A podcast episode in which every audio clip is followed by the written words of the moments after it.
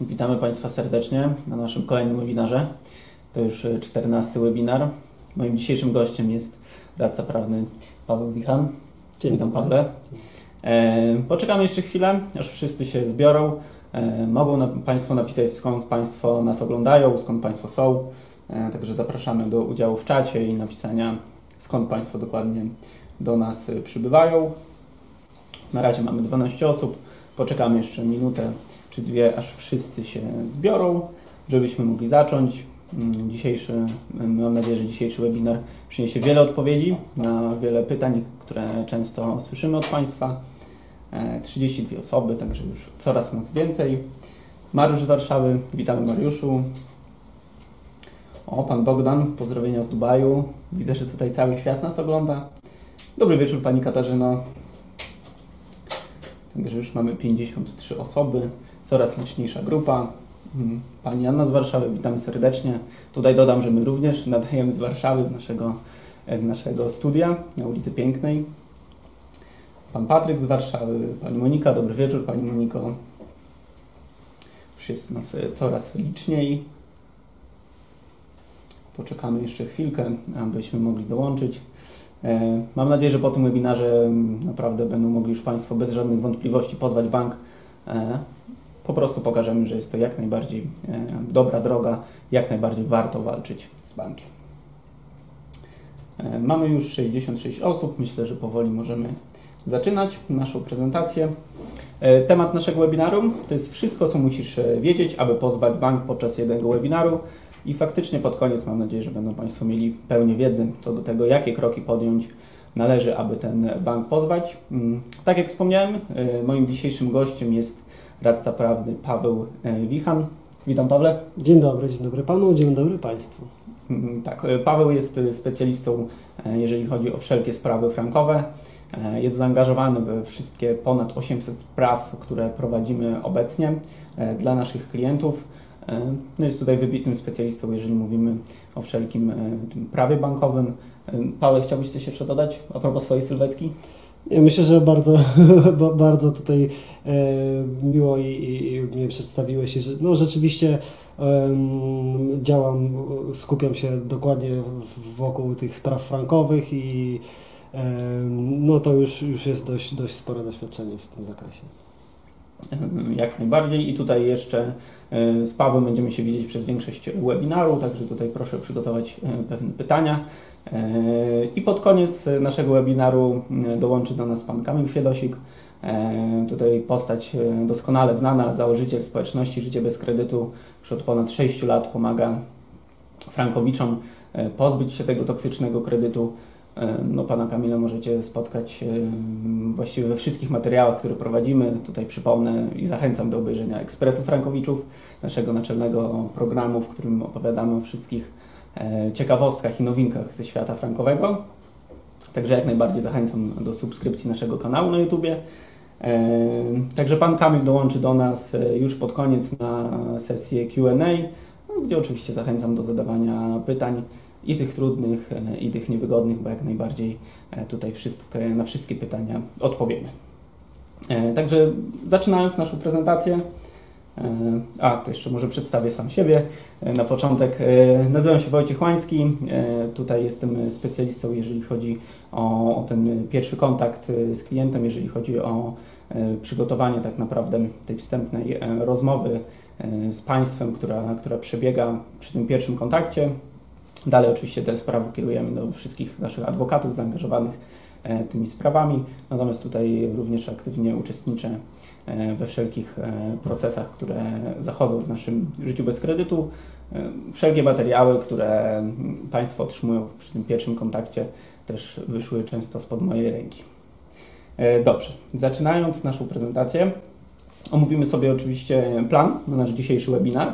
E, Pierwszą, e, pierwszym punktem będzie kwestia tego, jak stać się członkiem naszej społeczności Życie bez kredytu, która liczy już ponad 22 tysiące osób. Coraz liczniej też Państwo do nas dołączają, coraz liczniejsze e, pytania zadają, co oczywiście bardzo nas cieszy. E, Oczywiście, dlaczego też warto dołączyć do naszej społeczności, tym się zajmiemy na samym początku. E, W drugim punkcie opowiemy, czym są pozwy kompaktowe. No Jest to pewien hit jeżeli chodzi o te sprawy, podejście do spraw i też oczywiście hit cenowy, jeżeli mówimy o całym postępowaniu sądowym. O tym, o tych wszystkich, e, o tym wszystkim, co przygotowaliśmy na ten nadchodzący rok, w tym punkcie opowiemy. W trzecim punkcie powiemy, jak wygląda dokładnie współpraca z nami, jakie korzyści otrzymają Państwo po dostarczeniu od nas dokumentów, jak będzie wyglądała cała analiza, no i oczywiście kto kompleksowo poprowadzi e, tą sprawę. Czwarty punkt, y, no tu, tutaj opowiemy o samym wyglądzie procesu, e, jak on się kształtuje, czego możemy się spodziewać, jakie pytania padną na sali sądowej. I tak, w piątym punkcie opowiem już kompleksowo o tym, jak się przygotować do rozprawy sądowej, co nas czeka, ile ona potrwa, czego możemy się spodziewać, jak Państwo bardzo będą musieli być zaangażowani w całe prowadzenie e, tego postępowania i w tą sprawę. Mm, w szóstym punkcie omówimy sobie krótko nasze najnowsze orzecznictwo, czego mm, w ostatnim webinarze nie zdążyliśmy powiedzieć, bo oczywiście wiele się w międzyczasie działo. A przypomnę tylko, że był to okres świąteczny i noworoczny, a i tak pewne wyroki zapadły. E, omówimy oczywiście plany na 2021 rok, i całą, całe to orzecznictwo, jak ono będzie się kształtować. Tak jak wspomniałem, pod koniec będzie sesja QA, w której będzie można zadać pytania. No i oczywiście standardowo przygotowaliśmy quiz, w którym są do jest do otrzymania rabat, e, jak i do wygrania są darmowe konsultacje e, w naszej kancelarii.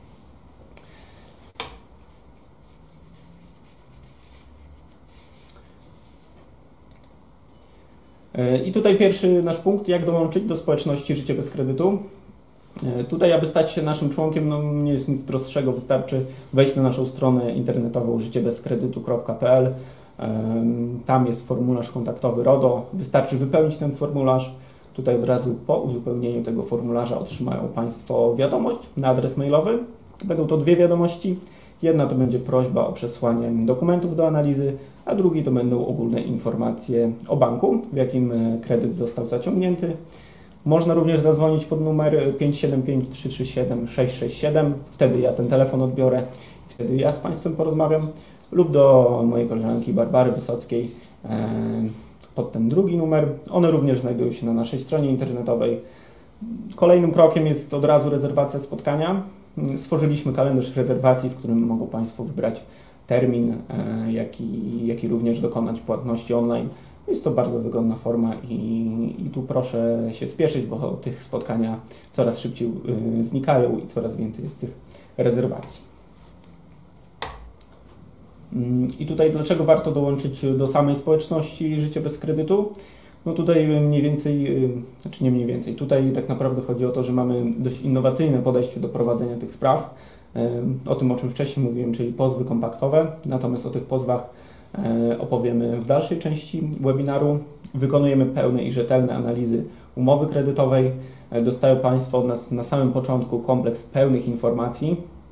Analiza zawiera około 30 stron i jest E, jest ona kompleksowa, są tam informacje o wszelkich możliwych korzyściach, jakie możemy osiągnąć, e, no i oczywiście o kosztach, e, które, które na Państwa czekają. Warunki cenowe też się charakteryzujemy tym, że indywidualnie dostosowujemy do, do Państwa potrzeb. Jest konfigurator ofert, w którym mogą sobie Państwo wybrać plan ratalny, czy też sposób płatności, tak można dowolnie kształtować sobie tą płatność. No co tutaj dość kluczowe i, i, co też Państwo często widzą, że jesteśmy dostępni codziennie 24 godziny na 7, 24 godziny na 7 dni w tygodniu, codziennie mogą Państwo do nas zadzwonić. E, oczywiście, jeżeli nie prowadzimy jakichś rozmów, e, to te telefony odbieramy na bieżąco. No i kluczowy piąty punkt to jest nasza wiedza oraz sześcioletnie doświadczenie.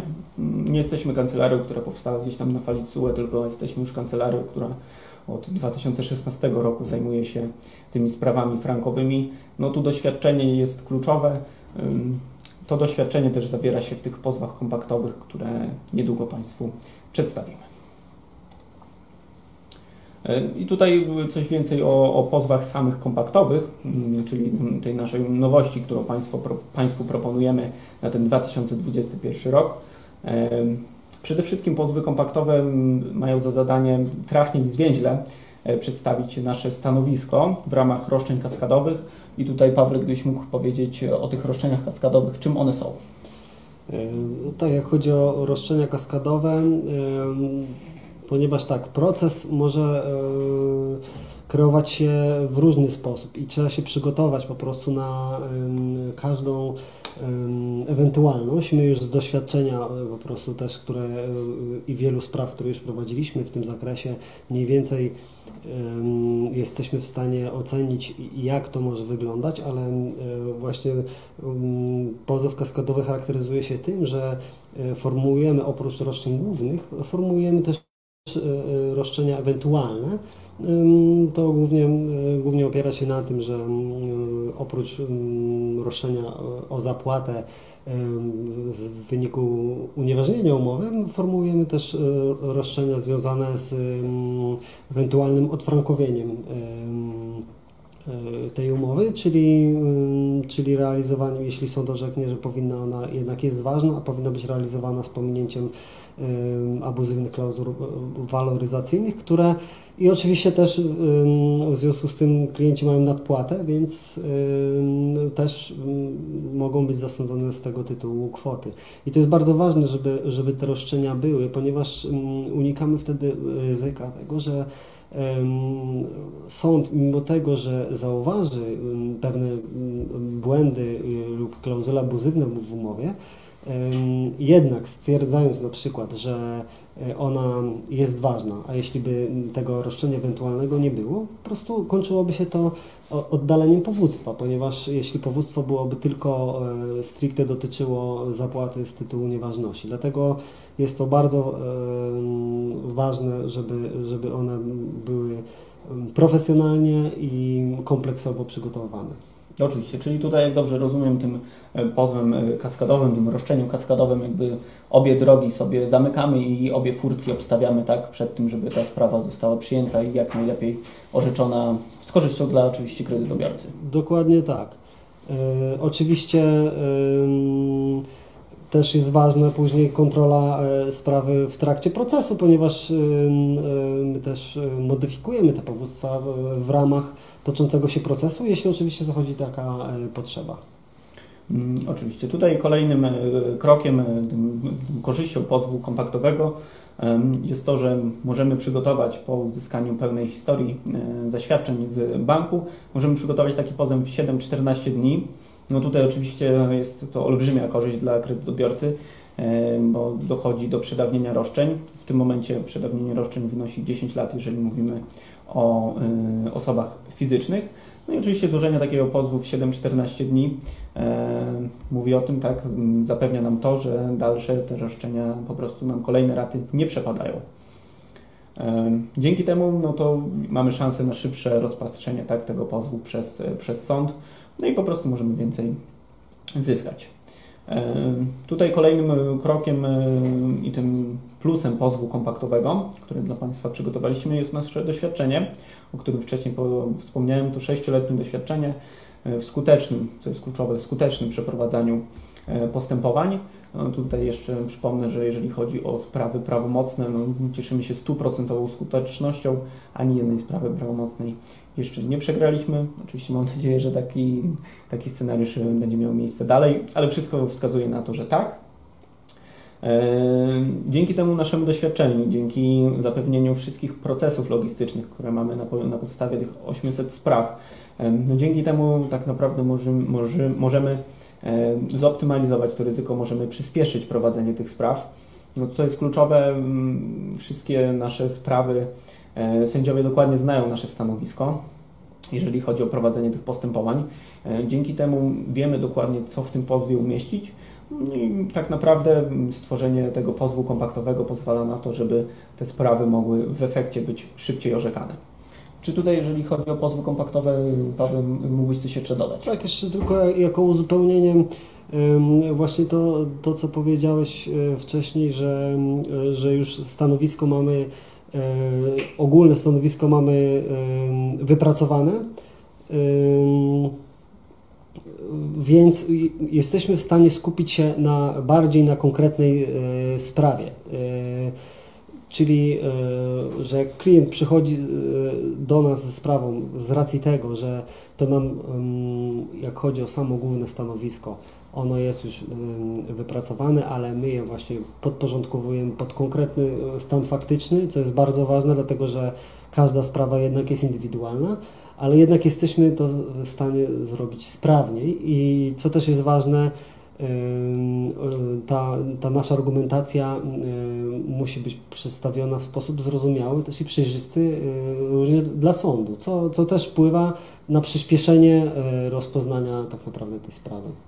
E, Tak, tutaj jeszcze wspomniałeś o tym e, podejściu e, indywidualnym i faktycznie tutaj w ramach pozwów kompaktowych oczywiście każdy, każdy z roszczeń, każdy ze spraw jest prowadzona indywidualnie. No, ma to dość duże znaczenie. Pozwy grupowe w polskich realiach są nieefektywne. Myślę, że tutaj klienci mBanku, ponad 1200 osób, które były w pozwie grupowym przez praktycznie 10 lat dokładnie się o tym dowiedziało. Tak? No, była to, to sprawa na pewno nieprzyjemna dla tych, dla tych wszystkich osób, które zaciągnęły tam zobowiązanie i w tym pozwie brały udział. No, pozew indywidualny tak eliminuje to ryzyko. Tutaj każda ze spraw jest indywidualnie rozpatrzona przez nas. Oczywiście te kredyty były udzielane na podstawie pewnych wzorców umownych, natomiast każda, każde roszczenie jest inne, te spłaty były trochę inaczej kształtowane. Same zapisy w umowie również były inne. Dokładnie tak. Mm, Dobrze, przejdźmy dalej w naszej prezentacji. Mm, Tutaj również o, jeszcze chwilę o pozwach kompaktowych. Tak jak wspomnieliśmy, jest to innowacyjne podejście w prowadzeniu tych wszystkich spraw. No, dzięki temu mm, opieramy to również na, y, te wszystkie sprawy sądowe są ym, oparte zgodnie e, na znowelizowanym kodeksie postępowania e, cywilnego, które było w maju 2020.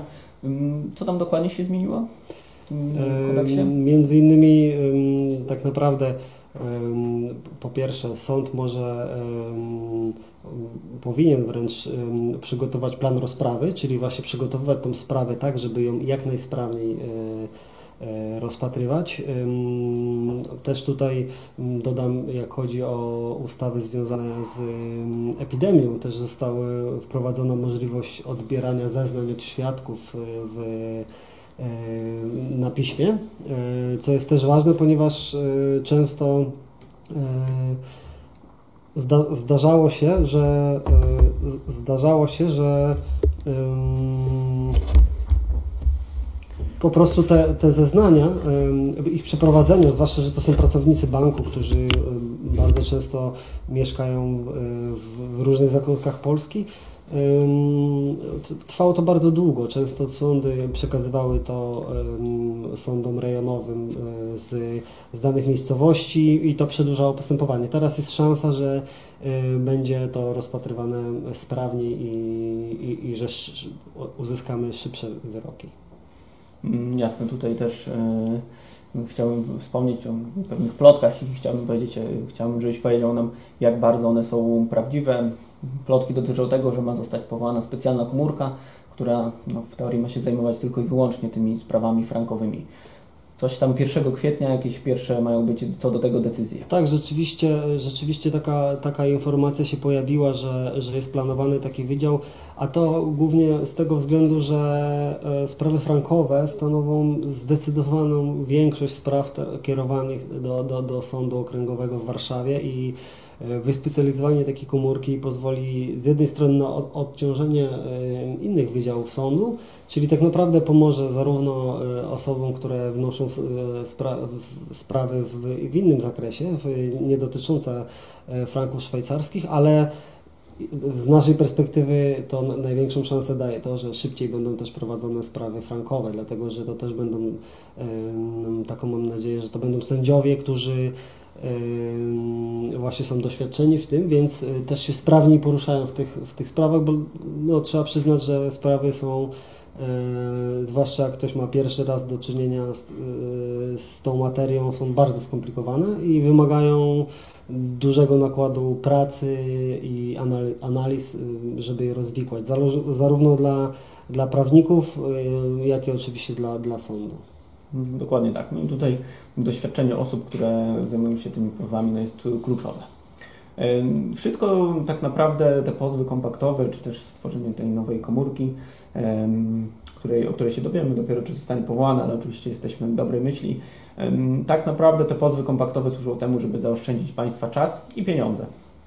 Po to stworzyliśmy, opracowaliśmy całą strukturę tych pozwów kompaktowych, e, żeby ten pozew był bardziej przystępny e, dla Państwa i żeby po prostu te sprawy były orzekane szybciej.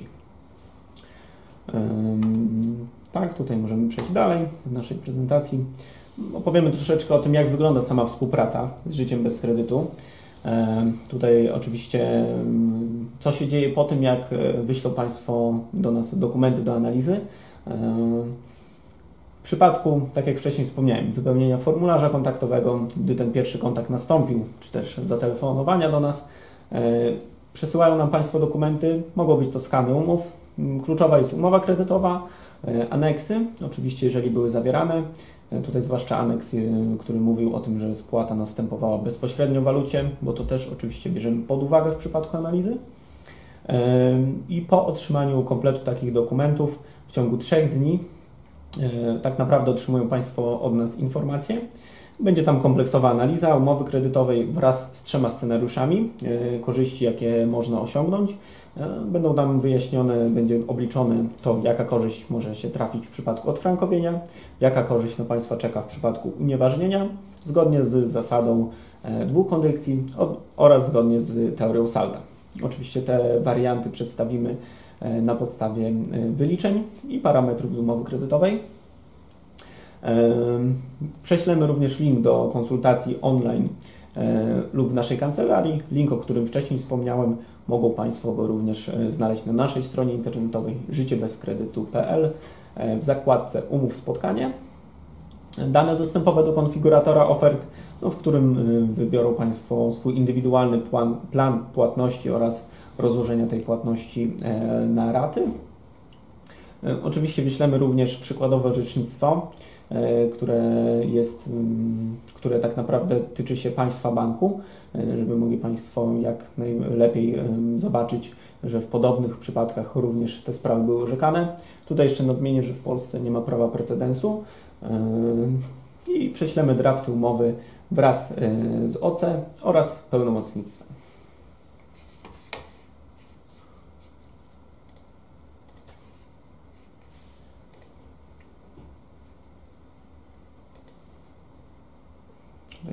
Przejdziemy do kolejnego kroku naszej prezentacji. Natomiast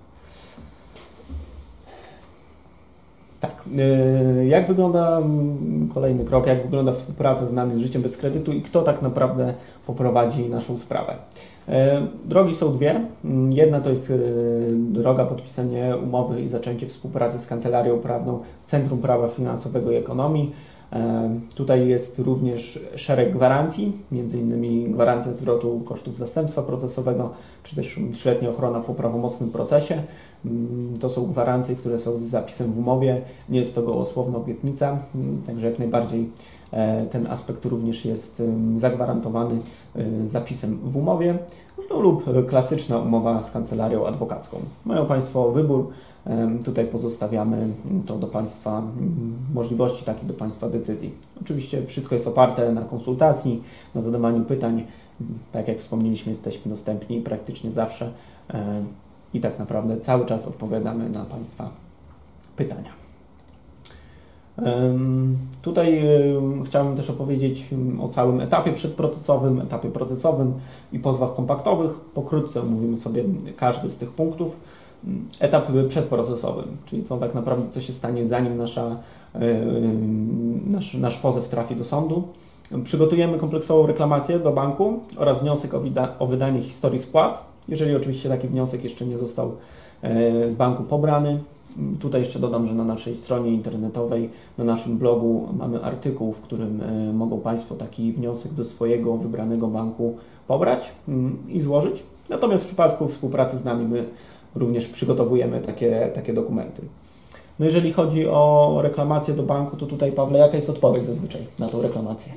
Mm, zawsze tak naprawdę odpowiedź jest odmowna, ponieważ y, banki, nawet ostatnio y, widziałem odpowiedzi udzielane po, po jednym dniu i tak naprawdę to były kilku, kilkuzdaniowe, ponieważ są banki, które rzeczywiście mają opracowany ten tak naprawdę draft odpowiedzi ona nie jest, bardzo rzadko bywa zindywidualizowana, tylko widać, że jest po prostu to jest przygotowane i tak naprawdę jaka reklamacja by nie wpłynęła, ona jest odrzucana i jest argumentacja y, jakaś przekazana, ale nie zdarza się, żeby bank co do ewentualnie, jeśli przeliczy jakąś kwotę rzędu kilkudziesięciu złotych dosłownie, przy, przy różnicach kursowych bądź, bądź przy, przy zwrocie ewentualnie jakiejś nadpłaconej składki, ale to są dosłownie kwoty rzędu kilkudziesięciu złotych. Także, a, ale jak chodzi o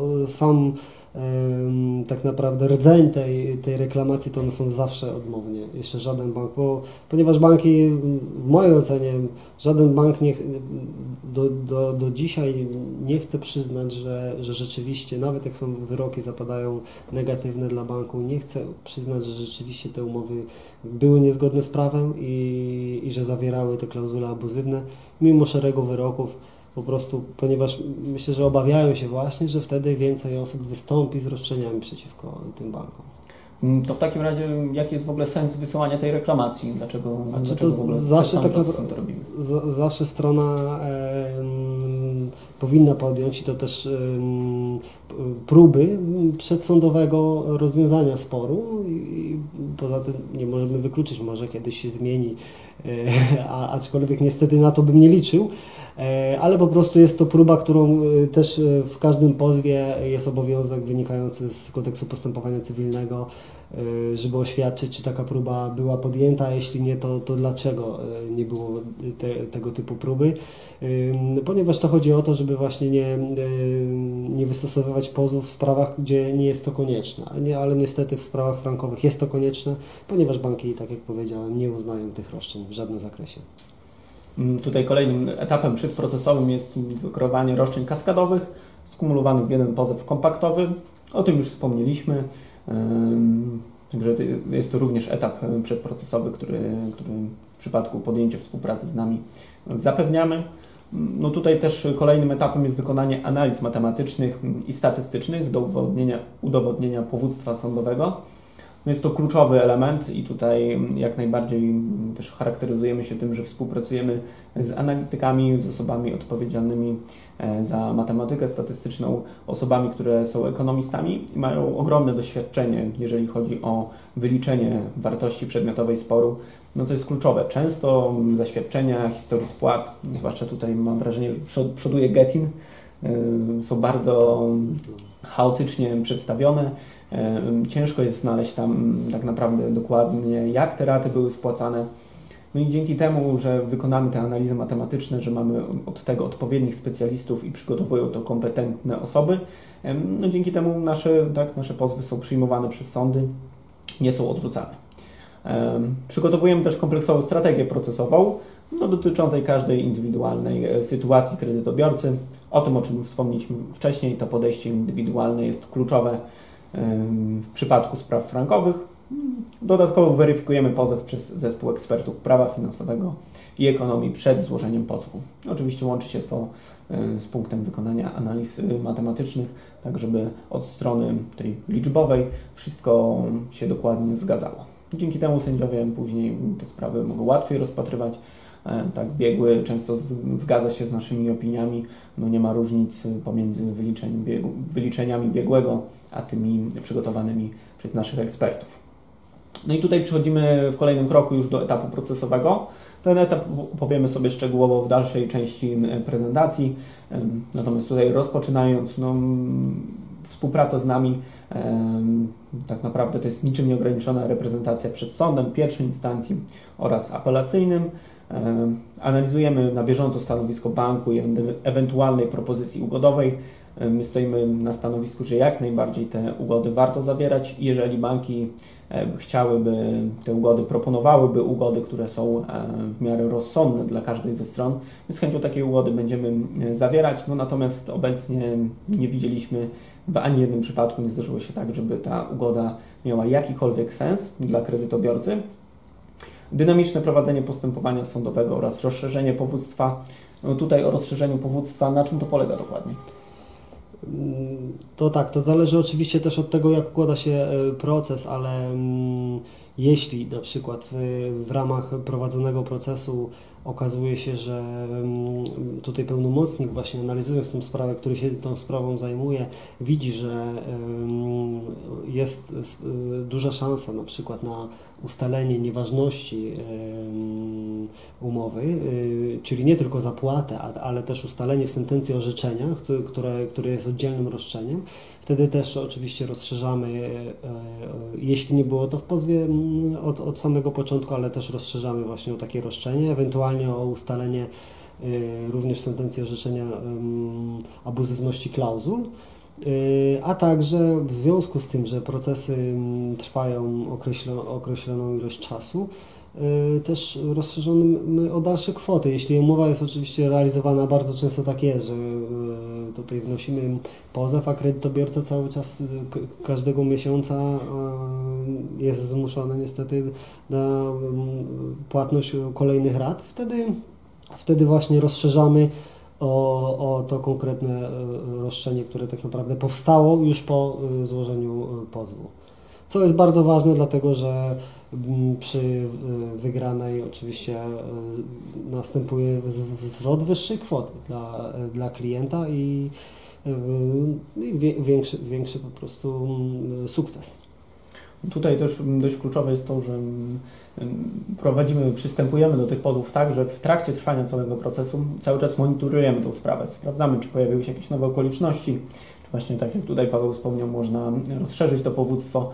Nie jest tak, że mm, sprawa jest jakby rozpoczęta, umowa podpisana i dalej nic się z tą sprawą nie dzieje. Na bieżąco monitorujemy każdą z tych spraw. Y, Jeżeli oczywiście zobaczymy, że jest, można coś zmienić, czy też ulepszyć, no to takie ulepszenia wprowadzamy w całą strukturę pozwu i w, całą, w całe prowadzenie tego postępowania. Weryfikujemy na bieżąco stanowisko odnośnie opinii biegłego w postępowaniu sądowym. Jeżeli chodzi o ten etap procesowy, wnosimy apelację, jeżeli oczywiście jest konieczna, e, oraz odpowiadamy na apelację banku. No i zastępujemy w procesie egzekucyjnym i całkowicie i w przypadku całkowitej egzekucji tego wyroku. Ym, Kolejnym punktem są pozwy kompaktowe, o których już y, wcześniej wspomnieliśmy. Także możemy przejść e, do dalszej, dalszego slajdu naszej prezentacji. Tutaj też y, chcieliśmy opowiedzieć trochę, jakie wartości, tak i jakie standardy e, wprowadziliśmy w naszej w- życiu bez kredytu, aby te sprawy mogły zakończyć się sukcesem, tak i aby one mogły być jak najlepiej e, pozytywnie orzekane przez sąd. No, przed podpisaniem umowy klient ma pełną wiedzę o wysokości całkowitego wynagrodzenia kancelarii e, z tytułu prowadzenia tej sprawy przed pierwszą i drugą instancją oraz e, postępowania egzekucyjnego po prawomocnym wyroku. Co tutaj jest kluczowe? Na samym wstępie mają Państwo informacje o kosztach dokładnych. My już w trakcie postępowania sądowego nie pobieramy żadnych innych opłat, e, także z samej z góry wiedzą Państwo e, dokładnie ile e, będzie trzeba za tą sprawę zapłacić. Co jest dość kluczowe, bo wiem, że też niektóre z kancelarii pobierają opłaty za stawiennictwo się w sądzie, za każde oddzielnie, gdzie tak naprawdę nie mamy pełnej wiedzy, ile dokładnie pod sam koniec wyniesie nas e, to postępowanie, prowadzenie tej sprawy. U nas jest to transparentne i z góry wiadome. E, Sprawę prowadzą wyspecjalizowani adwokaci, radcowie prawni oraz eksperci z zakresu prawa finansowego i ekonomii. Tak jak wspomniałem, jest to kluczowe, aby, aby tutaj było wyspecjalizowany zespół, który będzie orzekał w tych sprawach. No tutaj też mm, dzięki temu i właściwie po to powstała Akademia Życia bez kredytu, e, która szkoli tak wszelkie, wszelkich adwokatów, aby mogli jeszcze lepiej w tych sprawach orzekać, aby po prostu byli specjalistami w tej dziedzinie. W tej dziedzinie my współpracujemy tylko z osobami, które są wyspecjalizowane. E, Na każdym etapie mm, postępowania klient otrzymuje mailowo informację, jak tak naprawdę ta sprawa się toczy i w jakim jest w danym, jakim, w jakim jest momencie. Posiadamy wieloosobowy zespół wyspecjalizowanych prawników oraz eks- ekspertów ekonomicznych, e, których próżno szukać e, w innych kancelariach, które zajmują się sporami z bankami. Zapewniamy stawiennictwo przed sądem adwokata prowadzącego sprawę, a nie osoby znającej sprawy, nie posiadającej odpowiedniego przygotowania. I tutaj, Pawle, gdybyś mógł ten punkt piąty rozwinąć, Dlaczego jest to tak kluczowe, żeby to był jeden dany pełnomocnik na daną sprawę i żeby on tylko się tą sprawą zajmował od A do Z? Dlatego, tak jak już wspomnieliśmy wcześniej, że każdy proces tak naprawdę po pierwsze jest, jest inny, nie ma dwóch dokładnie takich samych procesów. Po drugie, ważne jest właśnie dynamiczne jego prowadzenie i dy, dynamikę tutaj rozumiem nie tylko przez szybkość prowadzenia, ale szybkość też reagowania na ewentualne E, zarzuty drugiej strony, na to, co na, na, na też tak naprawdę to, e, co robi sędzia, ponieważ wtedy pełnomocnik, który, który jest w procesie od samego początku, on jest e, łatwiej, ma szansę na E, wyczucie tego, w którą stronę ta sprawa zmierza i jakie roszczenia ewentualnie dodatkowe e, właśnie mm, kreować, czy też mm, jakimi pismami procesowymi tutaj e, się bronić, czy od, odpierać ataki mm, też drugiej strony. To ma kluczowe znaczenie i doświadczenie w tych sprawach jest, jest bardzo ważne, bo tak jak już wspominałem, a myślę, że Państwo też są tego świadomi, że są bardzo skomplikowane. Mm, w sądzie również posługujemy się autorską i kompleksową argumentacją. No jest to oczywiście ta oferta pozwów e, kompaktowych jest dość mocno z tym punktem związana. Oczywiście koresponduje to z najnowszym orzecznictwem e, polskich sądów powszechnych, e, stanowiskiem Sądu Najwyższego, czy też orzeczeniami Trybunału Sprawiedliwości Unii Europejskiej. Mm, teraz przejdziemy do punktu, w którym trochę szerzej omówimy, jak wygląda e, proces, czego można się spodziewać w trakcie trzech lat trwania e, tego postępowania i tak naprawdę z czym tą sprawę frankową sieje. E, dynamiczne prowadzenie postępowania sądowego. Tutaj, Pawle, gdybyś mógł jeszcze trochę ten punkt rozwinąć. Jeszcze tutaj mm, tak tylko mm, dodam, że oczywiście te, te trzy lata trwania sprawy to jest symbolicznie powiedziane, gdyż po pierwsze, mamy nadzieję, że one będą coraz szybciej jednak rozpatrywane, te sprawy. Po drugie, jest to bardzo indywidualne, zależy też od referatu, od obłożenia, od sędziego, do którego sprawa trafi. Tutaj najszybszy wyrok, który został uzyskany, o którym wiadomo, to jest około 11 miesięcy e, od złożenia pozwu, co jest bardzo dobrym wynikiem i mam nadzieję, że, że, że właśnie w tę stronę będzie to zmierzać. Mm, tutaj przechodząc już, już do, do, do Twojego pytania, rzeczywiście ta, ta dynamika prowadzenia postępowania jest, jest tutaj kluczowa, bym nawet powiedział, dlatego że trzeba na bieżąco reagować na to, co się w procesie dzieje. E, od razu też odpowiadać na, na wszelkie pisma drugiej strony bądź postanowienia czy zarządzenia sądu. Oczywiście też y, na bieżąco monitorować też e, całe orzecznictwo, które się dzieje w innych sprawach, ponieważ to też może e, wpłynąć na, na daną konkretną sprawę. Tak? Warto się podpierać orzeczeniami, które już gdzieś zapadły i dlatego ta dynamika jest, jest bardzo ważna, ponieważ ona zwiększa szanse na e, końcowy sukces w procesie. No i tutaj też mm, ten punkt oczywiście tego indywidualnego podejścia się tyczy, tak? Oczywiście tak, dlatego że tutaj to każda, każda sprawa właśnie jest indywidualna, stan fak stany faktyczne się różnią yy, i bardzo ważne jest indywidualne podejście do, do, każdego, do każdej sprawy.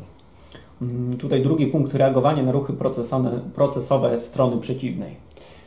Mm, tak, oczywiście to, to, to jest y, również ważne, to trochę już o tym powiedziałem y, przy, przy opowiadaniu o tej dynamice, y, a mm, dlatego mm, my się kierujemy taką zasadą, że jakieś zawsze pismo znajduje, strony przeciwnej znajduje naszą replikę. Tak? Jeśli jest odpowiedź na pozew złożona z naszej strony, składana jest replika, która po przeanalizowaniu e, konkretnej danej odpowiedzi na pozew e, my punktujemy po prostu i odpieramy e, zarzuty lub twierdzenia strony przeciwnej, oczywiście odnośnie i adekwatnie do tej konkretnej sprawy.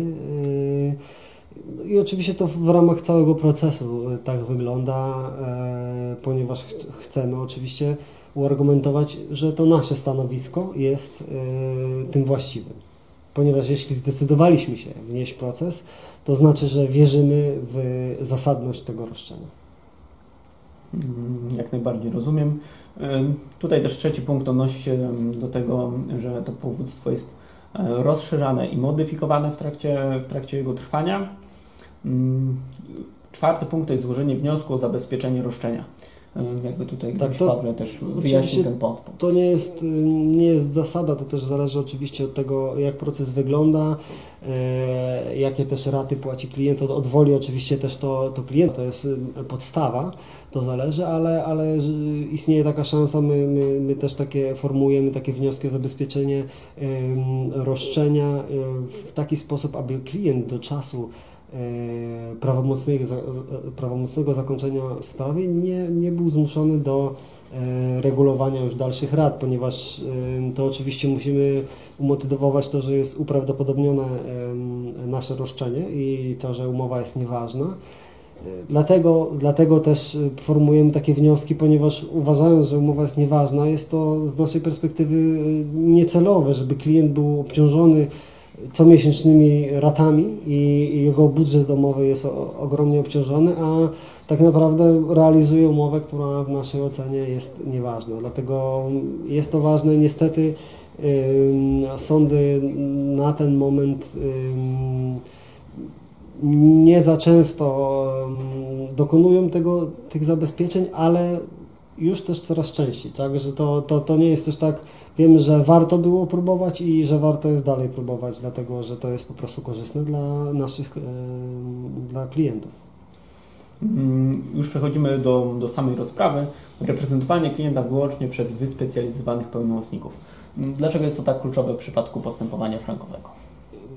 Dlatego też już nawiązując też do, do tej indywidualizacji właśnie sprawy i stopnia skomplikowania, ważne jest, żeby to pełnomocnik, który zajmuje się tego typu sprawami i który ma doświadczenie i zna też tą konkretną sprawę, żeby właśnie to on reprezentował e, klientów w sądzie, ponieważ mm, on się po prostu na tym zna, on jest w stanie w sądzie e, po pierwsze zadawać mm, bardziej e, adekwatne pytania, szybciej reagować na ruchy drugiej strony, ruchy sądu, ewentualne zeznania świadków i mm, no to ma też bardzo, bardzo duże znaczenie dla, dla też sukcesu, dlatego e, ważne jest, żeby to, to nie byli pełnomocnicy z, z, tak zwanego przypadku, e, e, gdzieś z ogłoszenia, tylko że to, to, żeby to właśnie był człowiek, który zna tą konkretną sprawę. Mm, Jasne. Tutaj, jeżeli chodzi o punkt szósty, jest to weryfikacja opinii e, biegłego. Tak, ponieważ w ramach postępowania sądowego, zwłaszcza jeśli sędzia myśl, zastanawia się i, i, i, i dopuszcza szansę odfrankowania tego kredytu, ważne jest wyliczenie wysokości roszczenia i wysokości nadpłat, które klient e, e, uiścił w ramach procesu, e, w ramach realizacji umowy, przepraszam, i, i e, właśnie e, to jest kluczowe, dlatego że e, to nie jest wyliczenie na, na, na, podstawie po prostu zaświadczenia ba- banku, ponieważ no, samo roszczenie główne jesteśmy w stanie sobie zsumować, ale to już trzeba korzystać z analiz matematycznych i z, nas, z mojej perspektywy jako prawnika Ym, Mogę powiedzieć, że bardzo ważna jest też współpraca właśnie ze specjalistami od, z, od, z, z, zakresu ekonomii i, i, i też y, analiz matematycznych, ponieważ ja jako prawnik y, tego typu wyliczenia y, nie byłbym w stanie y, zrealizować. E, A współpraca z tego typu z ekspertami pomaga po prostu i, i po pierwsze w wyliczeniu samego roszczenia na początku, ale później właśnie też w weryfikacji tej opinii, ponieważ opinię, jeśli uważamy, że jest coś nie tak z nią, e, to, to możemy też kwestionować, ale to właśnie do tego e, jest konieczna wręcz, jest konieczne współdziałanie z ekspertem do spraw ekonomii.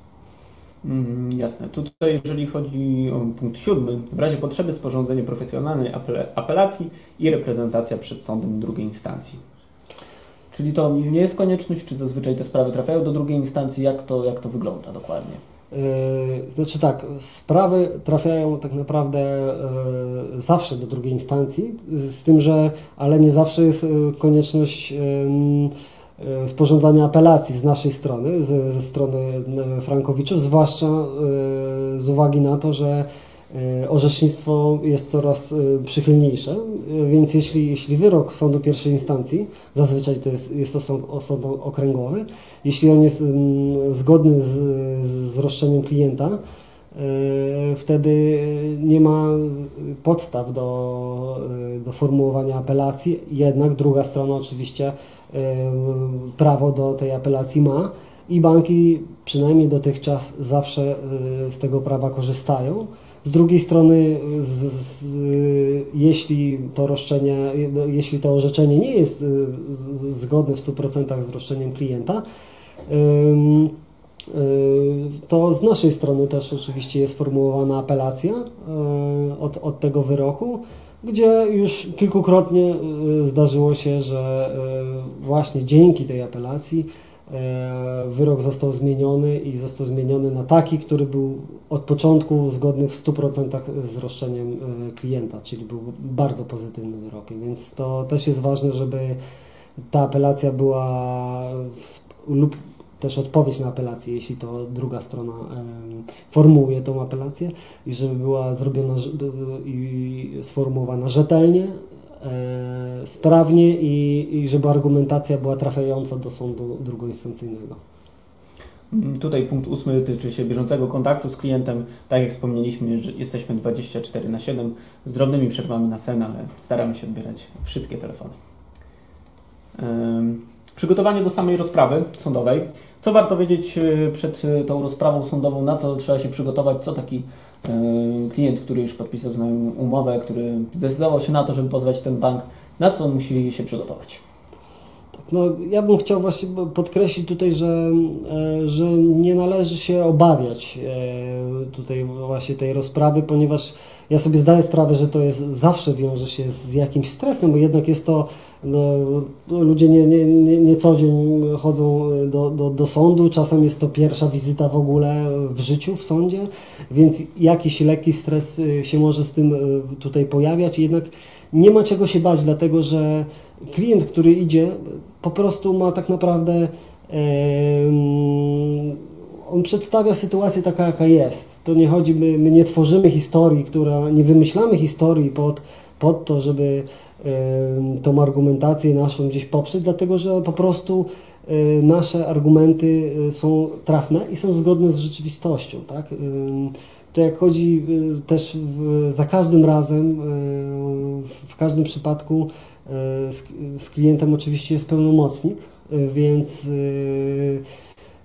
on też reaguje na to, co się dzieje, oczywiście w sądzie, plus oczywiście przed rozprawą też jest w stanie porozmawiać w taki sposób, żeby, żeby po prostu tą osobę uspokoić, żeby się nie stresowała, dlatego że klient może pewnych rzeczy nie pamiętać i to też nie jest nic, y, nic złego, dlatego że te umowy były podpisywane kilkanaście lat temu, y, więc to też nie o to chodzi, że ktoś ma przy, y, wiedzieć wszystko, i odpowiedzieć w 100% na każde pytanie, bo różnie to bywa, więc to, to tego się też nie, nie należy obawiać. Po prostu klient, który idzie do, do sądu, tak naprawdę opowiada swoją historię y, tego kredytu tak, jak ona, y, tak jak ją pamięta i tak, jak ona się przedstawiała.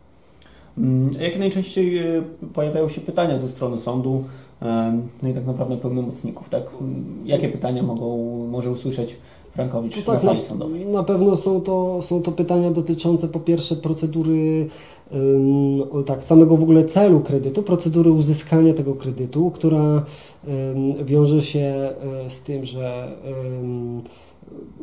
czemu w ogóle kredytobiorca zdecydował się na, e, na kredyt frankowy, Po drugie, tutaj czasem też e, oczywiście pełnomocnicy banków to próbują przerzucać e, odpowiedzialność na, na klientów, próbują kreować taki wizerunek, tak jakby to klient sam zażądał tego, tych, tych kredytów i wybrał świadomie, wiedząc tak naprawdę, co w tej umowie w 100% się znajduje.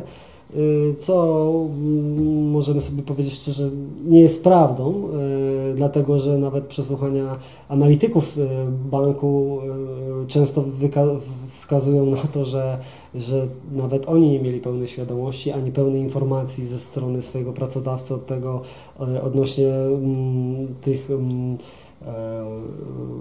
kredytów, które, które sprzeda, sp- sprzedawali. I też oczywiście te pytania będą dotyczyć na pewno e, zakresu informacji przekazywanych przez, e, przez właśnie pracowników banku, e, ponieważ to jest bardzo ważna też e, zakres informacji, zakres informowania o ryzyku, e, który często przeważającym ilości przypadków był e, zbyt niski, ponieważ klienci byli niedoinformowani, to to ryzyko było marginalizowane, prze- przekazywane jako, e, jako minimalne. Też ym, tak naprawdę bardzo często analizy, które były, jeśli nawet były klientom pokazywane, to, to te analizy pokazywały możliwość zmiany kursów franka o kilkanaście procent, a, a nie jak to później w praktyce miało 100 czy 120%, jak to, jak to się zdarzało. Więc, więc to głównie to są pytania w tym zakresie. Oczywiście czasem próbują też pełnomocnicy stwierdzać, że czemu dopiero klient tak późno się zdecy- zdecydował na, na pozwanie banku, ale to ja muszę też od razu mm, powiedzieć, że to nie jest y, klient po pierwsze nie ma obowiązku, nie musiał wiedzieć tak naprawdę o tym, yy, nie, nie, nie być do, do końca świadomości, dlatego że jak widzimy, to się zmienia nawet i w sądach, i, i orzecznictwo i tak dalej. Tak naprawdę wszyscy się tego uczą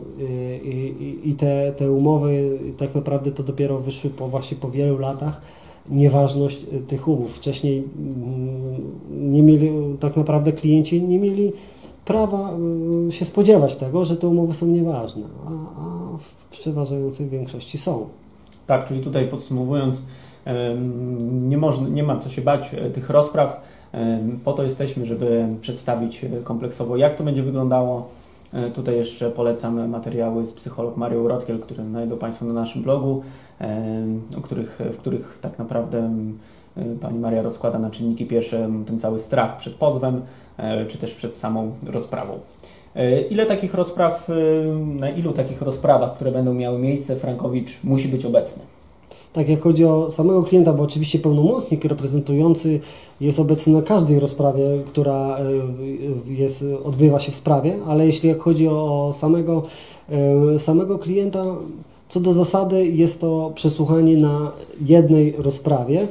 Zdarzają się przypadki, ponieważ istnieje też y, taka instytucja wyjaśnienia informacyjnego i, i, i zdarzają, zdarza się, że sędziowie jakby przygotowując sobie trochę proces, też wzywają klientów, żeby jakby tak rozpytać ogólnie, żeby móc sobie łatwiej przygotować proces i wtedy oczywiście i, i tak finalnie e, to przesłuchanie, czyli ta rozprawa jeszcze jedna się odbywa wtedy, gdzie, gdzie już jest jakby takie całościowe przesłuchanie, ale, ale tak naprawdę co do zasady jest to jedna rozprawa, tak.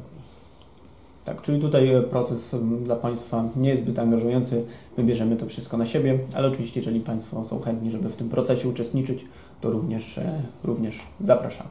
Tak, właśnie, bo jeszcze tu chciałem ym, podkreślić to, to, ten, ten, tą szansę kontaktu klienta, ponieważ to też jest ważne, że tak jak, tak jak powiedziałeś, że klient nie musi być zaangażowany, jeśli nie chce, nie ma na to czasu, woli to oddać specjalistom, to oczywiście y, może to przekazać i, i zadawać tylko i dowiadywać się tylko o konkretnych zmianach, ale jeśli chce, może na bieżąco zawsze zadzwonić, y, napisać maila i zawsze jest na bieżąco informowany. E, Co myślę z perspektywy klienta, dla którego jest to bardzo ważka sprawa, myślę, że, że jest znaczące. E, Tutaj jeszcze chcieliśmy wspomnieć pokrótce o rzecznictwie i prognozach na ten 2021 rok, który nadchodzi. Em, Nawet o 400% wzrosła w czasie pandemii koronawirusa liczba spraw frankowych, które trafiły e, do największych e, polskich sądów okręgowych. Jeżeli chodzi o, o, o to, jak te sprawy rozkładają się w pierwszej instancji, no to do końca listopada e, 2020 roku do pierwszej instancji trafiło prawie 25 tysięcy spraw. W tym ponad 17 tysięcy to były sprawy frankowe. No tutaj na tym wykresie możemy zobaczyć, jak dużo, jak dużą powierzchnię zajmuje. Ilość tych spraw frankowych jest to ponad 70% wszystkich spraw. Obecne orzecznictwo, no tutaj e, w styczniu 2019 roku było to 556 spraw, teraz jest to 1923, czyli ten wzrost o 250%. E, Tutaj jeszcze chciałem pokrótce przedstawić nasze dwa najświeższe wyroki, których nie udało się przedstawić e, podczas ostatniego webinaru w przypadku podsumowania. E, Jest to wygrana z PKO z dnia, wyrok z dnia 12 listopada 2020 roku. Ustalenie nieważności umowy PKO własny kont. E, Tutaj została zasądzona teoria dwóch kondykcji. E, Wraz z odsetkami to było ponad 130 tysięcy złotych. Saldo kredytu z 170 tysięcy spadło do zera. I oczywiście po uprawomocnieniu się wyroku zostanie e, bank wykreślony z hipoteki. Kolejnym, o tutaj jeszcze mamy cały, cały ten wyrok, on jest również do pobrania na naszej stronie internetowej w artykule wyrokach PKO, można pobrać sobie całą sentencję. Tam też polecam Państwu fragment, w którym są, e, jest przesłuchanie świadków strony banku, osób, które te kredyty udzielały. Polecam to zobaczyć, że faktycznie te osoby często nie miały pojęcia, e, co tak naprawdę, e, jakich kredytów udzielały i o czym, o czym mówią. Większość odpowiedzi to jest nie wiem, nie pamiętam. E, I tu wyrok e, ostatni, który zapadł jeszcze przed, e, przed Wigilią 23 grudnia. E, Była to wygrana Zembank. No, oczywiście ustalenie nie, nieważności na zasadzie teorii dwóch kondykcji, co jest przodującą teorią, przodującymi wyrokami, e, jakie są udzielane. E, Tak naprawdę zasądzona kwota dochodzona ro- roszczeniem to jest łącznie ponad 600 tysięcy złotych. Tam była sytuacja, że kredytobiorca też wpłacał bezpośrednio w walucie, stąd też te 88 tysięcy franków szwajcarskich. Saldo kredytu z ponad 500 tysięcy spadło do zera. E, Było udzielone zabezpieczenie roszczenia. No, łączna korzyść w tym przypadku to ponad 1 100 tysięcy złotych. No i mm, bank oczywiście zostanie wykreślony e, z hipoteki e, po prawomocnym wyroku. Także Pawle, serdecznie dziękuję Ci za, za to, że dzisiaj nas odwiedziłeś, że byłeś naszym gościem. No tutaj mam nadzieję, że Paweł odpowiedział na wiele, na wiele Państwa pytań i rozwiał wszelkie wątpliwości. Także dziękuję Ci bardzo, Pawle. Dziękuję bardzo za zaproszenie, dziękuję Państwu. Mam nadzieję, że do zobaczenia. Oczywiście. E, A ja teraz zaproszę Kamila Chwiedosika, e, naszego, naszego eksperta i mm, założyciela społeczności Życia bez Kredytu, osoby, która sprawiła, że wszyscy tutaj dzisiaj siedzimy. Witam Kamilu. Cześć, witam Wojtku. E, Dobry wieczór, witam Państwa. Przysłuchiwałem się dzisiejszemu webinarowi, dużo ciekawych informacji. Dziękuję Pawłowi, dziękuję Tobie za to, że poruszyliście tak dużo istotnych e, informacji i tematów. E, Myślę, że będziemy mieli za parę chwil moment e, na to, żeby odpowiedzieć na te pytania. Chciałem też trochę podsumować to, o czym dzisiaj rozmawialiśmy. Wydaje mi się, że bardzo istotne jest i to chyba też było podkreślone w, w ramach dzisiejszego webinaru, że bardzo dużo mm, ostatnich tygodniach poświęciliśmy czasu na przygotowanie pozwów kompaktowych, pozwów, które mają skumulowane roszczenia w ramach e, kaskadowego ułożenia tych roszczeń. E, To już jest na tyle można powiedzieć, kwestia istotna z naszej perspektywy, że e, widać nawet e, pierwsze efekty.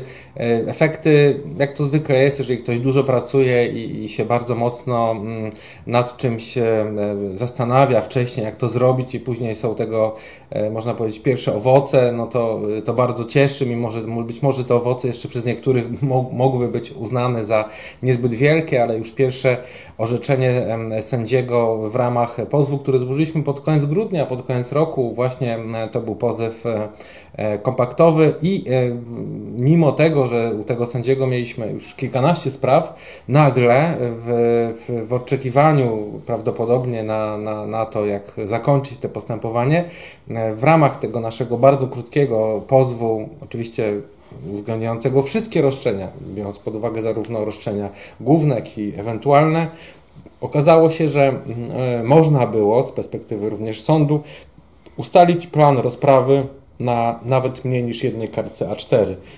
I to jest bardzo istotna kwestia, dlatego że można powiedzieć, że do tej pory postanowienia były raczej w, w zakresie y, najbliższego, najbliższej czynności, najbliższego posiedzenia, tak? A tutaj nagle e, w, w, w ramach e, napisania, można powiedzieć, właściwego, trafnego, skonstruowanego powództwa, e, sąd określił, że już mimo tego, że dopiero w grudniu był złożony pozew, że już na październik tego roku mamy przesłuchanie naszego e, klienta, czyli strony powodowej, a w międzyczasie sąd na jednej kartce A4 wypisał wszystkie czynności, które do tego doprowadzą.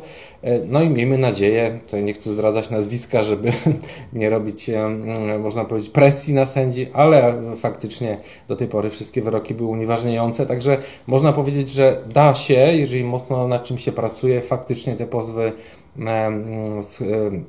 kompaktowe tak przygotować, to nie było prostą rzeczą, ale zakładam, że w sukurs temu, co mówiły zarówno i mówiła i, strona e, sądowa, czyli przede wszystkim mówię o rzeczniku, o pani sędzi Sądu Okręgowego, pani Urbańskiej, jak i też o prezesie Sądu Okręgowego.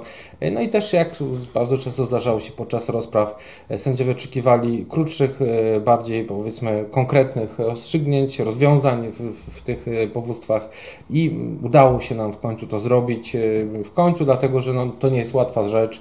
Trzeba było jednak mimo wszystko pewne kwestie kwestie, e, można powiedzieć, pominąć. Natomiast no, uważam, że biorąc pod uwagę ponad 800 spraw, które tutaj prowadzimy w Sądzie Okręgowym w Warszawie, no to jednak e, po 20 spraw średnio u każdego sędziego jednak powodują, że Ci sędziowie znają doskonale nasze stanowisko. Chodzi tu bardziej o to, żeby konkretnie w każdej z tych spraw, e, w zasadzie te detale, te indywidualne sprawy wyłonić, uwypuklić i, i tak się dzieje i, i zakładam, że to jest odpowiedź na to, co w tej chwili jest bolączką sądów, czyli właśnie ogromnej liczby, tak jak pokazałeś tu na, na poprzednim slajdzie, pozwów. Natomiast no, tutaj nie ma się czego bać.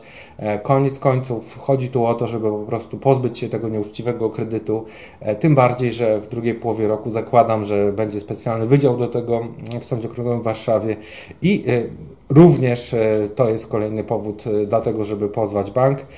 Kończę to swoje, że tak powiem, podsumowanie te swoje i, zapraszam Cię do kolejnego podsumowania tego, którego teraz mamy, bo widzę, że będziemy mówili chyba o 2021 roku i prognozach na ten rok. Mm, tak, dokładnie tak. Tutaj chciałem, żebyśmy pokrótce to omówili, natomiast y, później przejdziemy już do pytań, bo dość dużo ich e, Państwo zadali.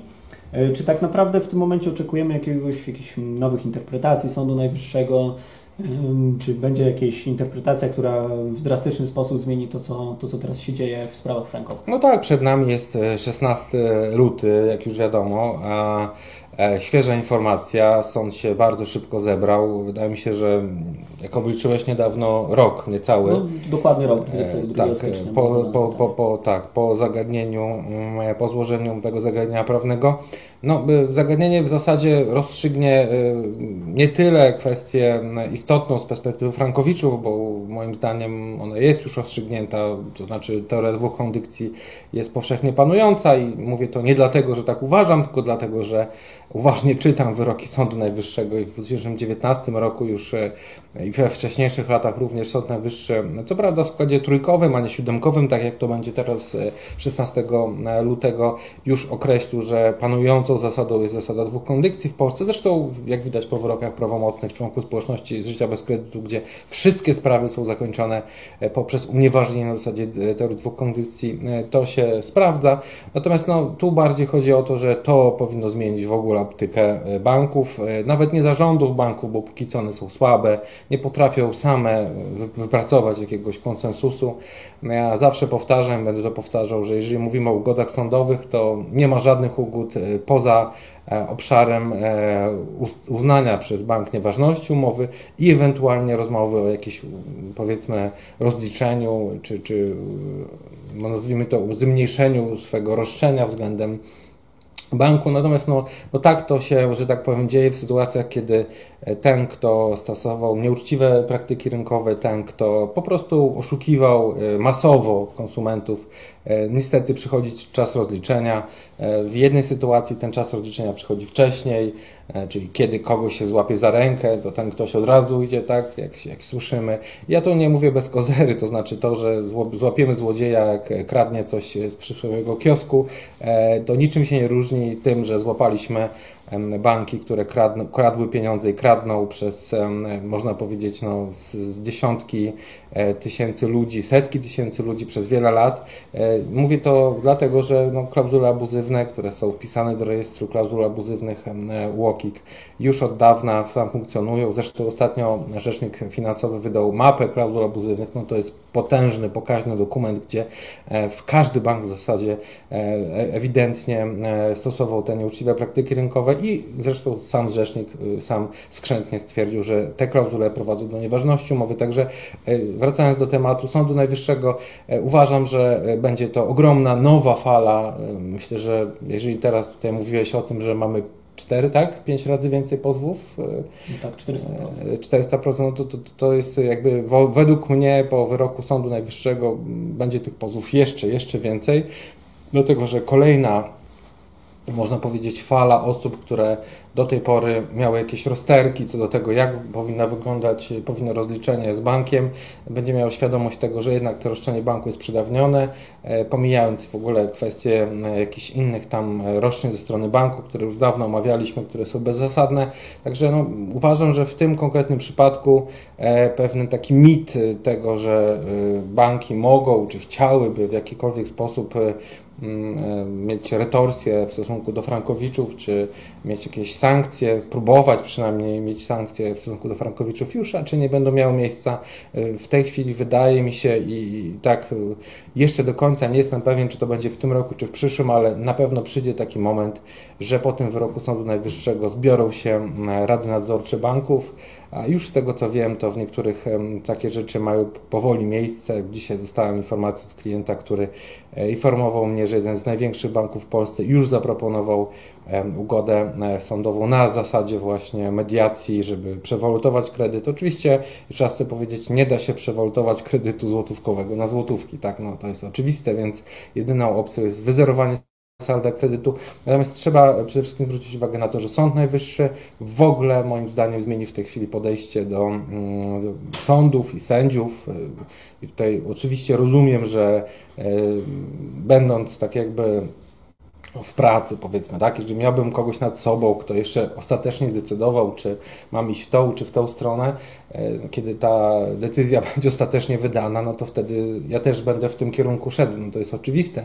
Natomiast no, z tej perspektywy patrząc, myślę, że e, po kilku miesiącach od tego wyroku, kiedy zapadną moim zdaniem tysiące wyroków e, z uwagi przynajmniej na to, że wiele spraw jest zawieszonych do czasu właśnie wydania tego wyroku. E, nagle banki czy, czy też e, akcjonariusze banków obudzą się i zobaczą, że to już jest koniec ich farsy w sądach. Dlatego też no, zakładam, że ten wyrok będzie ogromnym game changerem, jak to się mówi tak potocznie. Tutaj Kamilu mam wrażenie, że w tej odpowiedzi zawarłeś wszystkie inne pytania. Podpatrywałem. Tak, jeżeli by Państwo jakieś konkretne pytanie interesowało, no to zapraszamy do czatu. Myślę, że już teraz możemy swobodnie przejść do, e, do naszego czatu i pytań z tego czatu. Także dziękujemy za e, prezentację. Dziękuję Wojtku, świetnie poprowadziłeś dzisiejszy webinar. Dziękuję bardzo, to jeszcze nie koniec, także proszę z nami zostać. E, tutaj jeszcze od razu możemy wrzucić nasz quiz. Mm, oczywiście quiz uruchomimy, on będzie ważny do godziny 21.30. E, Tak jak wspomnieliśmy, są do wygrania rabaty na nasze usługi e, oraz konsultacje, także zachęcam do udziału. Jeżeli Państwo uważnie śledzili nasz, e, nasz webinar i nasze materiały, e, to ten quiz e, będzie bez problemu do rozwiązania. E, Dobrze, tutaj e, możemy zacząć od e, pytania od Pani Moniki. Czy mogę wystąpić jedynie o nadpłatę różnicy w CHF? E, znaczy, oczywiście Pani może, tylko jest pytanie po co? To znaczy, w jakim celu chce Pani ograniczać swoje roszczenia? E, e, roszczenia, które są skonstruowane w sposób profesjonalny, są roszczeniami e, kaskadowymi, które kumulują w sobie wszystkie e, opcje, czyli wszystkie możliwości, które e, pozwala w tej chwili, e, można powiedzieć, orzecznictwo. Już pomijając to, że również polega to na kodeksie postępowania cywilnego. Natomiast kwestią kardynalną jest to, aby tak skonstruować pozew, żeby pozew miał e, wiele roszczeń, oczywiście ułożonych e, zgodnie z zasadami kodeksu postępowania cywilnego, czyli roszczenie główne i roszczenia ewentualne. I nic nie stoi na przeszkodzie, żeby e, złożyć pozew, a w zasadzie nie tyle, że nic nie stoi na przeszkodzie, ale to jest wręcz wymagane, żeby pozew był złożony o zapłatę z tytułu nieważności umowy, a dopiero jako roszczenie ewentualne to, co Pani chciałaby. To znaczy, że w najgorszym przypadku, składając taki pozew, otrzyma Pani to, co Pani chce, ale jest ogromna szansa na to, żeby otrzymać e, dużo większą korzyść, właśnie z uwagi na to, żeby wykorzystać fakt, i tu powtórzę jeszcze raz, wykorzystać fakt nieuczciwych praktyk rynkowych, dlatego że za to, że mm, podmioty zawodowe, podmioty zaufania e, publicznego w tym zakresie e, stosowały tego rodzaju zapisy, czyli w ogóle zachowywały się w sposób nieuczciwy, wykorzystywały to zaufanie, myślę, że żeby to nie były podmioty regulowane, to dawno by się skończyło już to tak, jak skończyło się chociażby w przypadku Amber Gold, a może i nawet gorzej, dlatego że tego rodzaju oszustwa e,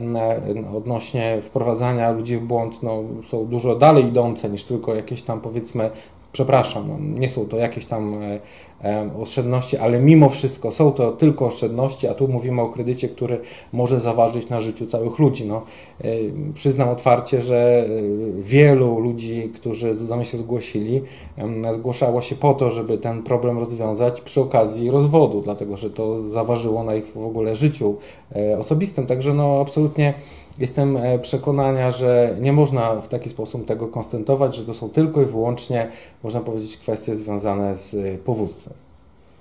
Mm, Jak najbardziej. Tutaj jeszcze mm, pan Krystian, z tego co widziałem, zadał dość ciekawe pytanie.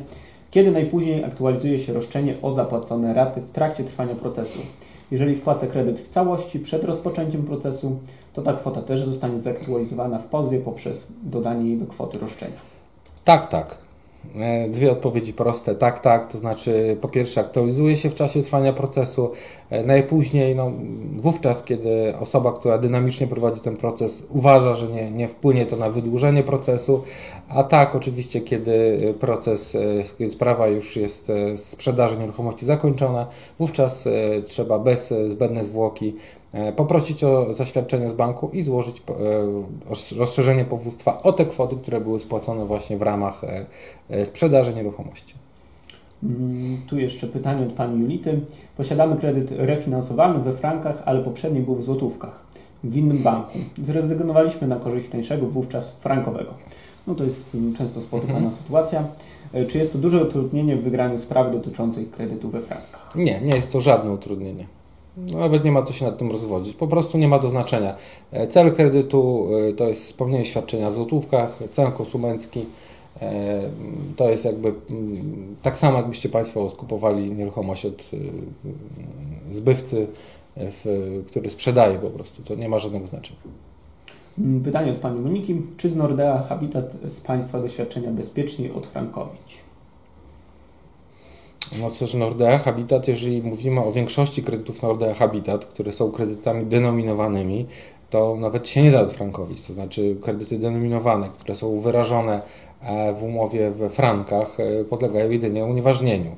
Oczywiście jest jakaś niewielka część kredytów e, indeksowanych, to jest około 5%, natomiast to jest poprzednie pytanie i taka sama odpowiedź. No, można oczywiście jedynie odfrankowić, ale po co? Jeżeli w tych samych zasobach finansowych, tych samych zasobach czasu, energii, które każda strona, bo zarówno Frankowicz, jak i my e, ponosimy, jeżeli w tym zakresie jest e, dokładnie to samo, no to dlaczego tym samym powództwem nie dochodzić roszczenia dalej idącego, czyli o nieważność umowy. Także tutaj absolutnie e, w mojej ocenie nie ma po co ograniczać tych roszczeń. Zawsze będzie można je ograniczyć, jeżeli na przykład bank będzie chciał zaproponować ugodę, wtedy e, z pozycji siły, nazwijmy to tak, można sobie e, oferować powiedzmy niższe rozstrzygnięcia. Mm, tutaj jeszcze pytanie od pana Patryka, a czy konfigurator uwzględnia ryzyka? Tutaj może y, ja odpowiem, jeżeli chodzi o konfigurator, no jest to narzędzie, które ma na celu y, uwzględnić cały plan y, płatności związanej z, z, z prowadzeniem tej sprawy przez nas. Natomiast jeżeli chodzi o same ryzyka, no my oczywiście o nich informujemy przed w przypadku całej, całej przeprowadzenia całej analizy jest kompleksowa informacja o tych ryzykach. Czy tutaj Kamilu możesz coś więcej dodać? Nie, no, absolutnie potwierdzam. Znaczy, no, konfigurator jest narzędziem, który dotyczy tylko i wyłącznie sposobu finansowania, rozłożenia tego na raty. E, względem tego e, wskazuje, jakie, jak się zmieni, inne, inne się zmienią parametry wynagrodzenia. Natomiast no, tutaj trzeba to, do tego dodać, że e, cała oferta składa się łącznie z wielu, wielu aspektów i każde są do omówienia oczywiście, każde są do wyjaśnienia. A myślę, że jeszcze 5 lat temu sprawa była bardzo prosta, w zasadzie zero-jedynkowa. A dzisiaj, z uwagi na wiele opcji, które są właśnie stworzone dla państwa, no, jest to, można powiedzieć, kwestia wybo- wielowyboru, tak bym to nazwał. E, no i być może dlatego ma Pan jakiegoś rodzaju, powiedzmy, nieścisłość w tym zakresie, ale my wszystko wyjaśniamy tutaj Myślę, że Wojtek czy, czy, czy, czy Basia bardzo dobrze to wszystko wyjaśnią, czy ja, jak jeżeli będziemy rozmawiali, także nie ma żadnego problemu, żeby to wszystko konkretnie na Pana przypadku wyjaśnić, więc uważam, że wszystko jest bardzo e, e, wyjaśnione jaskrawie i tutaj nie ma żadnych niejasności w tym zakresie. Mm, pytanie od Pana Patryka, pozwolę też trochę je skrócić. Co z sytuacją, kiedy wygrywamy sprawę, następuje rozliczenie z bankiem, E, są dwa salda, to co dostał bank i to co jeszcze zostało do spłaty. I tu powiedzmy, że jest 200-300 tysięcy do spłaty bankowi, a nie mamy tych pieniędzy. Co w przypadku takiej sytuacji? Tak jest, taka sytuacja nie będzie miała miejsca, dlatego że bank ma przedawnione roszczenie. To jest rzecz numer jeden. Rzecz numer dwa jest taka, że aby bank w ogóle mógł wystosować takie roszczenie, to musiałby uznać nieważność umowy, czyli musiałby jakby uznać te główne roszczenie. E, no to się nie dzieje z wielu przyczyn, nie będziemy teraz wchodzić w szczegóły. No, przede wszystkim dlatego, że bank nie chce po prostu ponosić kosztów e, procesu, nie chce ponosić kosztów tych odsetkowych. Natomiast e, prawdą jest to, że banki wielokrotnie i tu już nie tylko w ramach postępowania pierwszoinstancyjnego, ale nawet apelacyjnego, podnoszą zarzuty typu mm, potrącenie, typu e, chociażby, e, można powiedzieć, zatrzymania, e, bo tu jest taka instytucja prawa, która się nazywa zatrzymanie, czy też niepowetowanej szkody, która wydarzyłaby się takiemu nieuczciwemu banku, jeżeli on był oddał te pieniądze, które nieuczciwie wcześniej pobrał.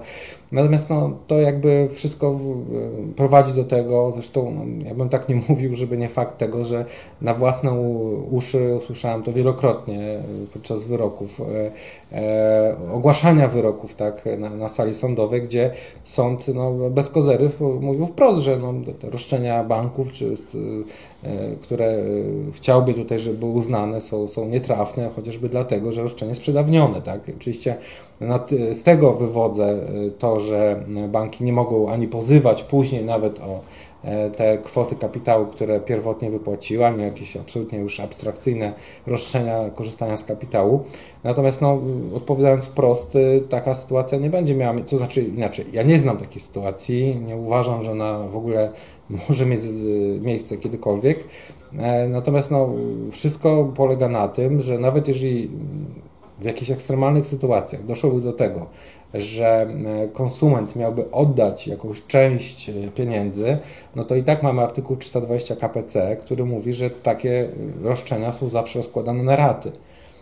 takie, które przypomina mi tutaj, przypomina mi się taka fajna mm, anegdota, raty możliwe do spłaty, tak? Czyli generalnie rzecz ujmując, to nie dzieje się tak, że nagle E, tak jakby chciały banki, e, ktoś będzie musiał cokolwiek oddawać, a jeżeli już to od razu, tylko po prostu jest wiele instytucji prawa, instytucji, które chronią konsumenta. I pamiętajmy o tym, że my tutaj mówimy o sytuacji, gdzie e, konsument jako frankowicz tak chce dochodzić roszczeń, które są w jakiś tam sposób wydumane, tylko one są w wyniku nieuczciwych praktyk przedsiębiorcy, także strony mocniejszej.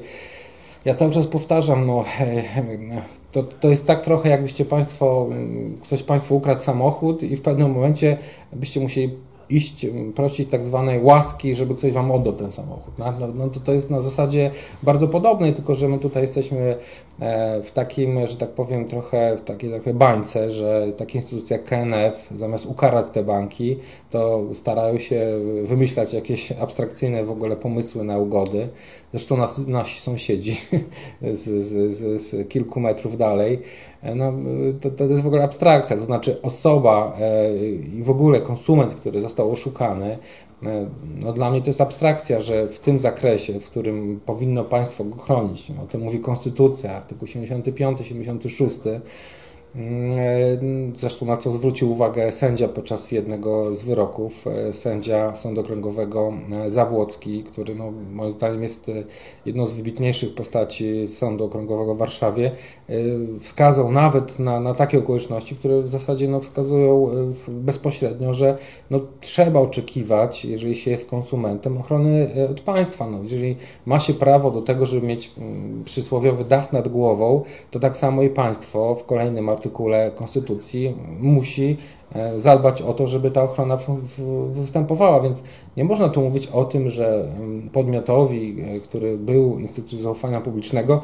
nagle trzeba by było zwracać jakieś pieniądze i to w ogóle z, jeszcze z uszczerbkiem na swoich finansów. Proszę się nie przejmować, tak nie będzie. Z roku na rok banki straszą coraz to nowymi kwestiami, ale nigdy się nie wydarzają po prostu. Pytanie od Pani Anny. W jakim momencie przestaję płacić raty? Nie jestem w stanie kontynuować płacenia rat. E, kiedy tak naprawdę jest możliwe to, żeby te raty przestały być wymagane do płacenia? E, Panie Anno, no wymagane one będą zawsze do czasu prawomocnego wyroku. Tutaj bezwzględnie, jeżeli chodzi o kwestię e, legartis, to tutaj nic nie zrobimy. Oczywiście możemy próbować, możemy złożyć wniosek o zabezpieczenie roszczenia. To jest bardzo małe prawdopodobieństwo, że no, sąd uwzględni taki wniosek, czyli o to, żeby pani nie musiała płacić do czasu prawomocnego wyroku po złożeniu pozwu e, i bank też nie będzie mógł wypowiedzieć umowy w tym zakresie. E, są inne instytucje typu od strony banku już wakacje kredytowe, restrukturyzacja.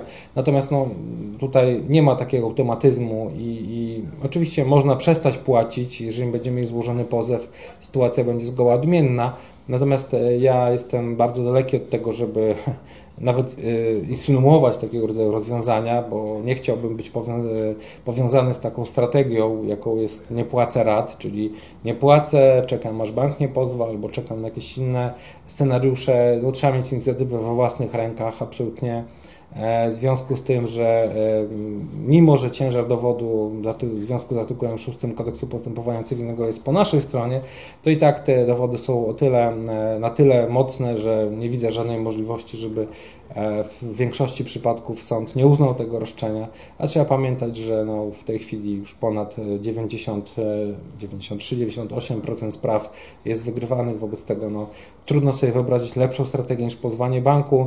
I tutaj powiem, tak jakby z serca, a nie z uwagi na jakąś poradę, że jeżeli to by zależało na dzień dzisiejszy e, od życia mojej rodziny, to na pewno bym przestał płacić, na pewno bym zabrał pieniądze, e, zainwestowałbym w proces, żeby przeciąć tą, można powiedzieć, gałąź, e, na której się siedzi, żeby już nie było problemu z tym, żeby w przyszłości faktycznie mogła ona spowodować jeszcze większe problemy. Tym razem pytanie od Pani Ewy. 4, lat, 4 lata temu sprzedałam mieszkanie, na którym miałem zaciągnięty kredyt we frankach szwajcarskich e, w 2006 roku. E, spłacałem kredyt 10 lat w złotówkach. Czy mam szansę odzyskać nadpłatę, czy zajmą się Państwo taką sprawą? Zajmiemy się od razu podpowiem. Tak, e, oczywiście, że tak. E, przy czym każda sprawa, m, tak jak Pani, jak i inna, musi być indywidualnie oceniona. My tutaj jakby nie jesteśmy od tego, żeby roz, rozważać poszczególne incydentalne sytuacje i przypadki. Od tego mamy cały zespół analityków e, i sugeruję po prostu, żeby wysłać e, umowy i aneksy e, na mail info.małpożyciabezkredytu.pl tam w ciągu trzech dni dostanie Pani odpowiedź z analizą, z ofertą, z informacjami, które tego się tyczą. Także myślę, że to jest lepsza droga, dlatego że dzisiejsza formuła nie pozwala nam, żeby wchodzić w szczegóły. Mm, tutaj pytanie od Pana Krystiana. Wyrok PKO, który wcześniej prezentowany, który wcześniej był prezentowany, dotyczył kredytu denominowanego. Tak, jak najbardziej na, naszym, na naszej stronie internetowej życiebezkredytu.pl w zakładce blog wystarczy kliknąć hashtag wyroki e, PKO, przepraszam PKO i tam e, przeprowadzi Pan, do, można pobrać sobie całą sentencję tego wyroku. Pan Marek pyta, jak radzimy sobie z Deutsche Bank Polska? Całkiem nieźle, Panie Marku. Cóż mogę powiedzieć? Wszystkie sprawy wygrane.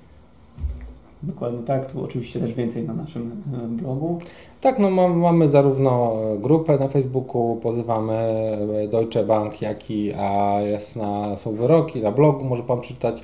No, przepraszam, że jest trochę tego scrollowania, natomiast no, tak dużo publikujemy różnego rodzaju informacji ważnych dla frankowiczów, że e, trudno jest, żeby informacje, które dotyczą poszczególnych banków były jakoś łatwo można powiedzieć, zdobywalne przez osoby, które chcą e, do nich, do, do nich dotrzeć. Po prostu zamiast e, powiedzmy minuty, czasami trzeba poszukać 5 minut, ale na pewno się dotrze do tych informacji, które są potrzebne, a czym jest 5 minut przy 30-letnim kredycie. Tak? Także zachęcam do wnikliwego e, oglądania naszych materiałów, do wnikliwego jakby weryfikacji też i, i, eksploatacji naszego bloga, czy, czy na stronie internetowej życiebezkredytu.pl, czy też na blogu.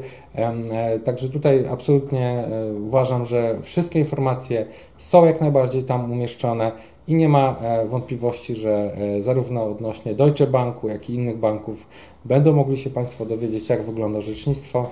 No i na całe szczęście dziś po prawie 6 latach mogę powiedzieć, że wygląda wyśmienicie.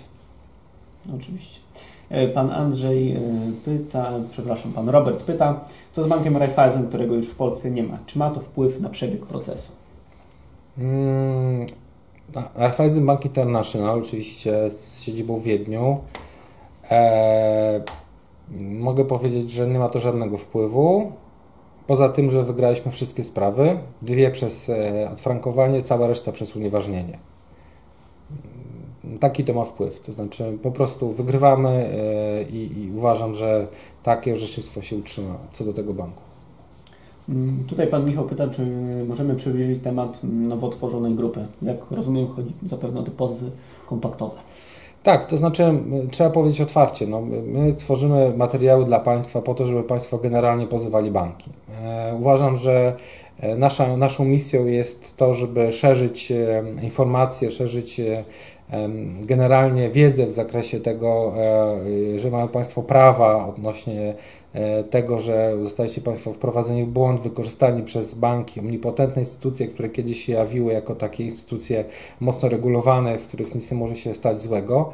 Mm, I w tym zakresie uważam, że no absolutnie powinniście Państwo dochodzić swoich roszczeń. Natomiast to nie jest tak, że to jest program reklamowy, czy jakikolwiek z materiałów, które my produkujemy, żeby po, po, powiedzmy masowo, tak jak to robią inne kancelarie, przyjmować klientów. No niestety e, jakość niesie za sobą również e, pewne ograniczenia. Tak? I, I, w tym zakresie jesteśmy w stanie przyjmować tylko w jakimś e, rozsądnym, znaczy w rozsądnym z perspektywy naszej zakresie nowych klientów, nowych członków społeczności życia bez kredytu do pozwania banku.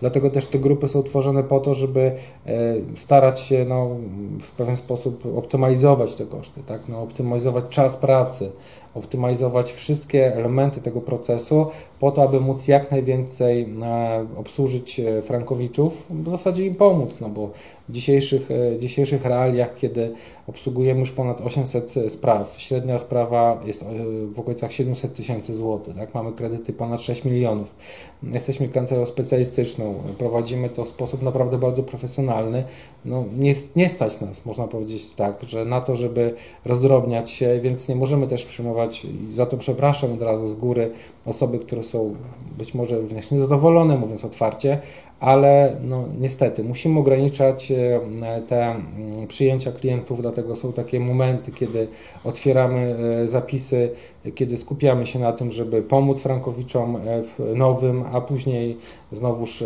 musimy wrócić do tego, co robimy na co dzień, czyli pracy w sądach. To też jest skorelowane z rozprawami itd. Tak itd. Tak Także serdecznie przepraszam, jeżeli nie jesteśmy w stanie pomóc wszystkim, natomiast na pewno, jeżeli Państwo są wytrwali, to będą Państwo w stanie w pewnym momencie, nie w tym, to w kolejnym miesiącu e, zdążyć do tego, żeby się e, jednak, ale e, z nami porozumieć co do warunków współpracy. Mm, tak, będziemy powoli zbliżać się do końca. Tutaj jeszcze widzę, że są pytania a propos sukcesów dotyczących poszczególnych banków.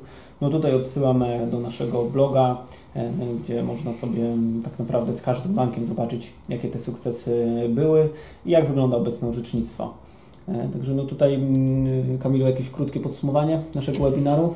Dziękuję bardzo. E, jeszcze raz Ci dziękuję za to, że przyjąłeś tą pałeczkę ode mnie, że tak cudownie poprowadziłeś ten dzisiejszy webinar.